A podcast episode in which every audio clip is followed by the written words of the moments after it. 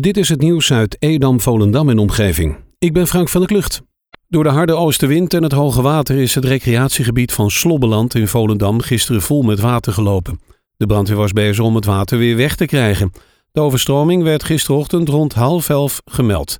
Het Hoogheemraadschap werd ingelicht. Kees Bond van de veiligheidsregio Zaanstreek-Waterland zegt dat het water door de windkracht over de dijk heen werd gestuurd, met als gevolg dat het water in het aangelegen gebied kwam te liggen. De spoorwegovergang op de N247 in Oosthuizen had gisteren te maken met een storing. Hierdoor bleven de slagbomen naar beneden. Zonder toezicht van politie besloten automobilisten er gewoon langs te rijden. Een geluk was dat er geen treinen reden vanwege het slechte weer.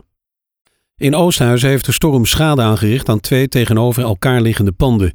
In de Cornelis van Bergenstraat was bij één pand een boom tegen de gevel gewaaid, terwijl bij een ander pand de dakbedekking was losgeraakt. De losgewaaide dakbedekking en de boom zijn verwijderd. Fotograaf Ramon van Vlijmen uit Edam is in de prijzen gevallen bij de jaarlijkse uitreiking van de Zilveren Camera. Van Vlijmen heeft de tweede prijs gewonnen in de categorie Nieuws Nationaal voor zijn fotoserie van de Coronawasstraat voor ambulances bij het Saans Medisch Centrum. Dat meldt het Noord-Hollands Dagblad. Van Vlijmen is momenteel freelance fotograaf en schiet onder andere plaatjes voor het ANP en het Financiële Dagblad. Vorig jaar was hij ook al succesvol bij de Zilveren Camera. Toen won hij de derde prijs. Woonwagenbewoners aan het Acropolishof in Purmerend voeren actie omdat ze meer standplaatsen willen. Het tekort is zo hoog dat sommige bewoners noodgedwongen in een tent of caravan op de standplaats van hun ouders staan. Gisteren dreigden ze om met duizend man actie te voeren. Wethouder Thijs Kroese is van zulke dreigementen niet gediend, maar kwam wel met een voorstel. Hij laat weten dat hij wel op korte termijn wil kijken of het kamp geoptimaliseerd kan worden. Op die manier hoopt hij dat er meer standplaatsen in het bestaande kamp vrijkomen. De gemeente Edam-Volendam heeft van de GGD te horen gekregen dat de testbus deze week niet naar Volendam komt. Dit in verband met de weersomstandigheden. De planning is dat de bus vanaf 15 februari weer op zijn plek op de parallelweg staat. Inwoners van Edam-Volendam die in de tussentijd een coronatest willen laten doen, kunnen natuurlijk terecht op een andere testlocatie. Een afspraak is te maken via het landelijk nummer 0800 1202. Het coronavirus in Zaanstreek-Waterland is vooralsnog niet te stuiten. Tussen zaterdagmiddag en zondagmiddag steeg het aantal besmettingen met 110 nieuwe gevallen. Het virus is inmiddels bij 20.608 inwoners vastgesteld. Dat meldt het Noord-Hollands Dagblad. Tussen zaterdag en zondag kregen 21 inwoners een test positief terug.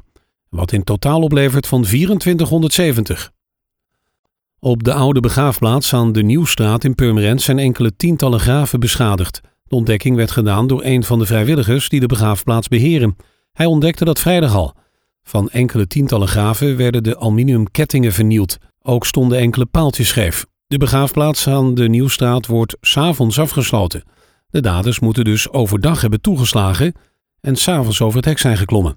Astrid Wildschut trekt zich het lot van de begraafplaats aan en is via GoFundMe een inzamelingsactie gestart zodat de schade gerepareerd kan worden. De historische ijsschuiten liggen nu opgestapeld op de zolder van een timmerfabriek, de werk- en opslagplaats van de stichting IJsschoten Gouwzee. Maar zodra er ijs ligt op de Gouwzee, laat iedereen zijn werk uit handen vallen om een scheepje op te tuigen volgens voorzitter Klaas Roos. En die kans zit er deze week dus dik in, want het gaat flink vriezen. Men verheugt zich erop dat er straks mogelijk weer geschaatst en gezeild kan worden. Tot zover het nieuws uit Edam, Volendam en omgeving. Meer lokaal nieuws vindt u op de Love Kabelkrant, onze website of in de app.